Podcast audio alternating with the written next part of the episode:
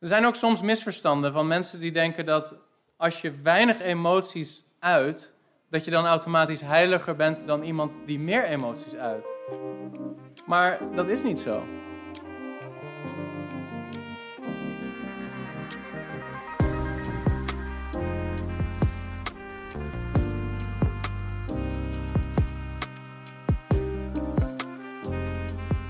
Komen we bij vers 26. Word boos, maar zondig niet. Laat de zon niet ondergaan over uw boosheid en geef de duivel geen plaats. Opnieuw zit dezelfde structuur hierin. Het idee, de oude mens afleggen, vernieuwd worden in je denken en de nieuwe mens aantrekken. De oude mens is de mens die boos wordt, maar die de zon laat ondergaan over zijn of haar boosheid. Waarom worden mensen boos? We worden vaak boos omdat iemand ons onrecht aandoet of omdat iemand over onze grenzen gaat. Er zijn mensen die zeggen, boosheid is alleen maar goed op het moment dat je boos bent omdat iemand anders iets wordt aangedaan of omdat Gods naam gelasterd wordt. En op zich zit daar iets in. Heel veel christenen hebben veel te lange tenen voor het feit dat ze gered zijn, dat ze niks verdienen, dat ze gerechtvaardigd zijn door genade alleen. En vervolgens bij het minste of geringste het gevoel hebben, mij wordt onrecht aangedaan en boos worden. En die boosheid kan verschillende uitingsvormen aannemen, of niet. Maar een christen moet geen lange tenen hebben, broeder, zuster. Maar een christen heeft wel tenen. Een christen moet geen lange tenen hebben, maar een christen moet wel tenen hebben. Er zijn andersom ook christenen die het idee hebben dat het zondig is om überhaupt boosheid te voelen. Of alleen maar heilige boosheid mogen voelen. Ja, ik mag alleen maar boos zijn als ik het gevoel heb dat uh, er wordt verkocht in de tempel. Dat is niet helemaal waar. Dat is niet helemaal juist en dat is ook niet wat Paulus hier zegt. Hij zegt, word boos, maar zondig niet. Zie je, boosheid is een signaal wat God heeft geschapen in de mens. God wordt zelf ook boos. Als jij zou leven vanuit de overtuiging dat boosheid altijd verkeerd is, dan zeg je daarmee dat jij niet geschapen bent naar het beeld van God. God zelf wordt boos. Hij is soms bedroefd of verdrietig. Dat lezen we ook in deze versen. Bedroeft de Heilige Geest niet. God kan zich verheugen. Er zijn emoties in God. En God heeft jou gemaakt met emoties. Als je die emoties volkomen negeert of onderdrukt of ontkent, dan is dat niet goed voor je. En dan is dat ook niet conform het beeld van God. Paulus zegt dan ook: word boos. Hij zegt: boosheid op zichzelf is niet verkeerd en het is ook niet verkeerd om soms boos te worden. Het kan zelfs zo zijn dat iemand zodanig over jouw grenzen gaat en zodanig onrecht jou aandoet, dat het heel terecht is dat je boos, boosheid voelt. Maar de grote vraag is: hoe ga je daarmee om? Zie je, er zijn mensen die automatische piloot de boosheid onderdrukken, want ze denken, ik mag geen boosheid voelen. En vaak zie je dat dat soort mensen heel snel heel depressief worden. Want ze verliezen de verbinding met zichzelf. En dat is niet hoe God je gemaakt heeft. Boosheid is een functioneel signaal dat er iets gebeurt waarbij iemand over je grenzen gaat, of iemand over de grenzen gaat van gerechtigheid zoals God die gemaakt heeft. De Jezus kon boos zijn omdat er geld verdiend werd in de tempel in de naam van God. En het was niet het soort boosheid waarbij hij zei: Ah, ik voel me boos, misschien moet ik hier iets mee. Nee, het was het soort boosheid die maakte dat hij een zweep maakte en die mensen de tempel uitjoeg. Boosheid is niet altijd verkeerd, maar je zou boosheid kunnen vergelijken met kernenergie. Kernenergie kan heel nuttig zijn, maar je moet het wel onder controle houden. En als je het niet onder controle houdt, dan is het gevaarlijk. Als een kernreactor opblaast, dan kan het heel veel schade aanrichten. Zo is het ook met boosheid. En Paulus zegt in feite dat als je de nieuwe mens aantrekt, je nog steeds boos kunt zijn, maar je wel iets moet met die boosheid. En dit is heel belangrijk. Iemand die heilig wandelt, geleid door de Heilige Geest, wanneer die boosheid voelt, gaat onderzoeken waar komt dit vandaan. Of wanneer die verdriet voelt, gaat onderzoeken waar komt dit vandaan? Want het is een signaal waar je iets mee moet. Dat is wat hier staat. Laat de zon niet ondergaan over uw boosheid. Met andere woorden, je moet er wat mee voordat de zon ondergaat, toch? Maar wat moet je er dan mee? En boosheid kan dus op twee manieren verkeerd invloed krijgen op je leven. De ene is als je ongecontroleerd je boosheid maar uit.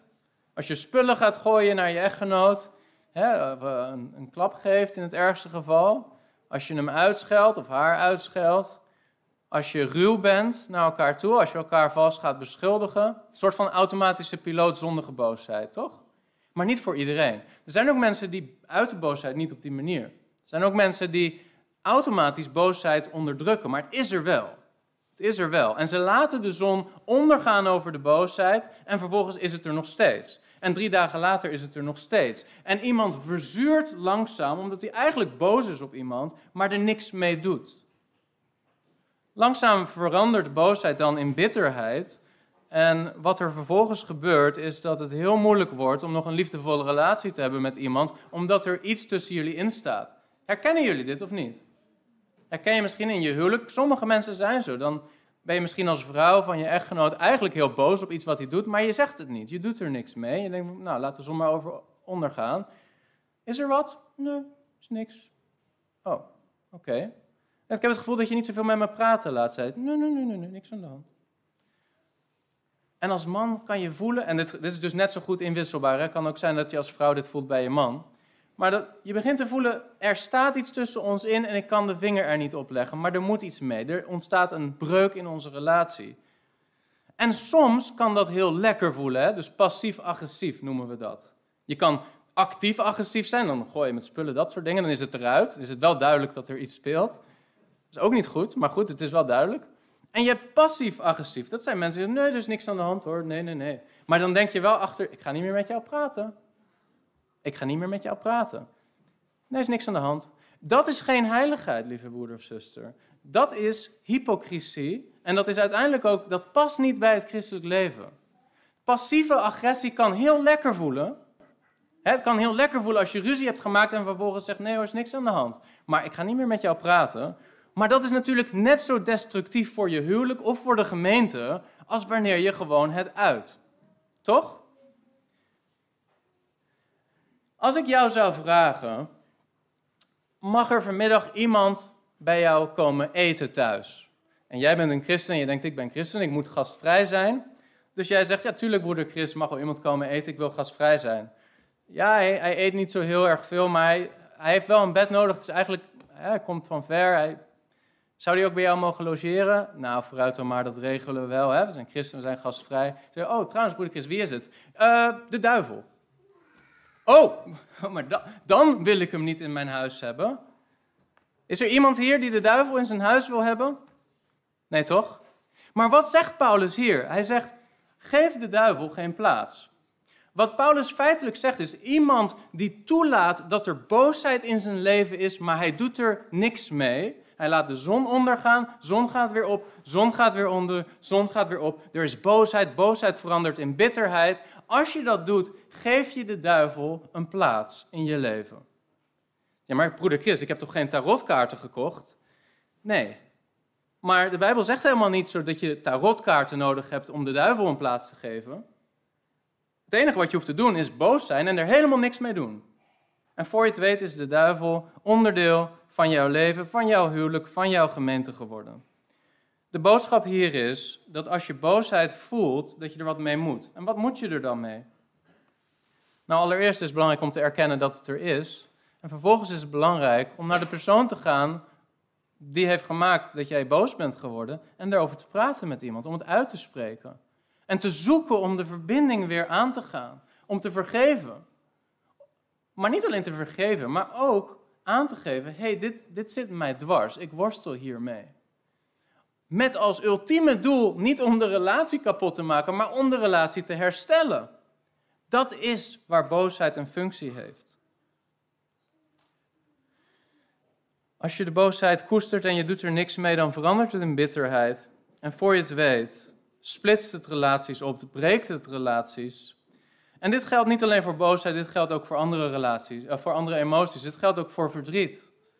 Ook verdriet is een signaal dat er iets is waar je wat mee moet. en niet iets wat je moet negeren. Heiligheid betekent niet je emoties negeren. Dat is soms wel eens het idee, volgens mij, bij bepaalde boeddhistische monniken die een zekere mate van zelfcontrole proberen te bereiken door hun emoties te onderdrukken. Maar dat is niet christelijke heiligheid. Er zijn ook soms misverstanden van mensen die denken dat als je weinig emoties uit, dat je dan automatisch heiliger bent dan iemand die meer emoties uit. Maar dat is niet zo. Er zijn culturen waar men heel erg veel emoties uit. He, um, Toon Hermans vergeleek, wel eens met, vergeleek wel eens Spaanse mensen met Nederlandse mensen. En dan zei hij, Spaanse mensen zijn een beetje zoals sinaasappels. Je ziet gewoon hun emotie aan ze. Er zit een grote glimlach op het gezicht. En een Nederlander is dan meer als een aardappel. Die, daar zie je niet zoveel van. En dat merkte ik ook toen ik met andere culturen in aanraking kwam. Ik dacht opeens, wij zijn als Nederlanders best wel nuchter, zou je kunnen zeggen. Dat klinkt nog positief, maar geremd. Je zou zeggen, geremd. Maar denk niet, lieve broeder of zuster, dat alleen omdat jij weinig affectexpressie hebt, weinig je emoties laat zien, dat je daarmee heiliger bent dan een Afrikaan die dat niet doet. Heiligheid heeft niks te maken met dat soort aspecten. Het heeft te maken met wat doe je met die boosheid. Zoek je vervolgens relatieherstel of koester je het of zorg je ervoor dat het de relatie verpest door spullen te gaan gooien. De Heilige Geest verlangt ernaar dat we onze emoties onder zijn leiding brengen en actief er wat mee doen. Heb je iets gehad in deze video? Druk dan op like en wil je vaker dit soort apologetische video's zien? Abonneer je dan op dit kanaal. God zegen.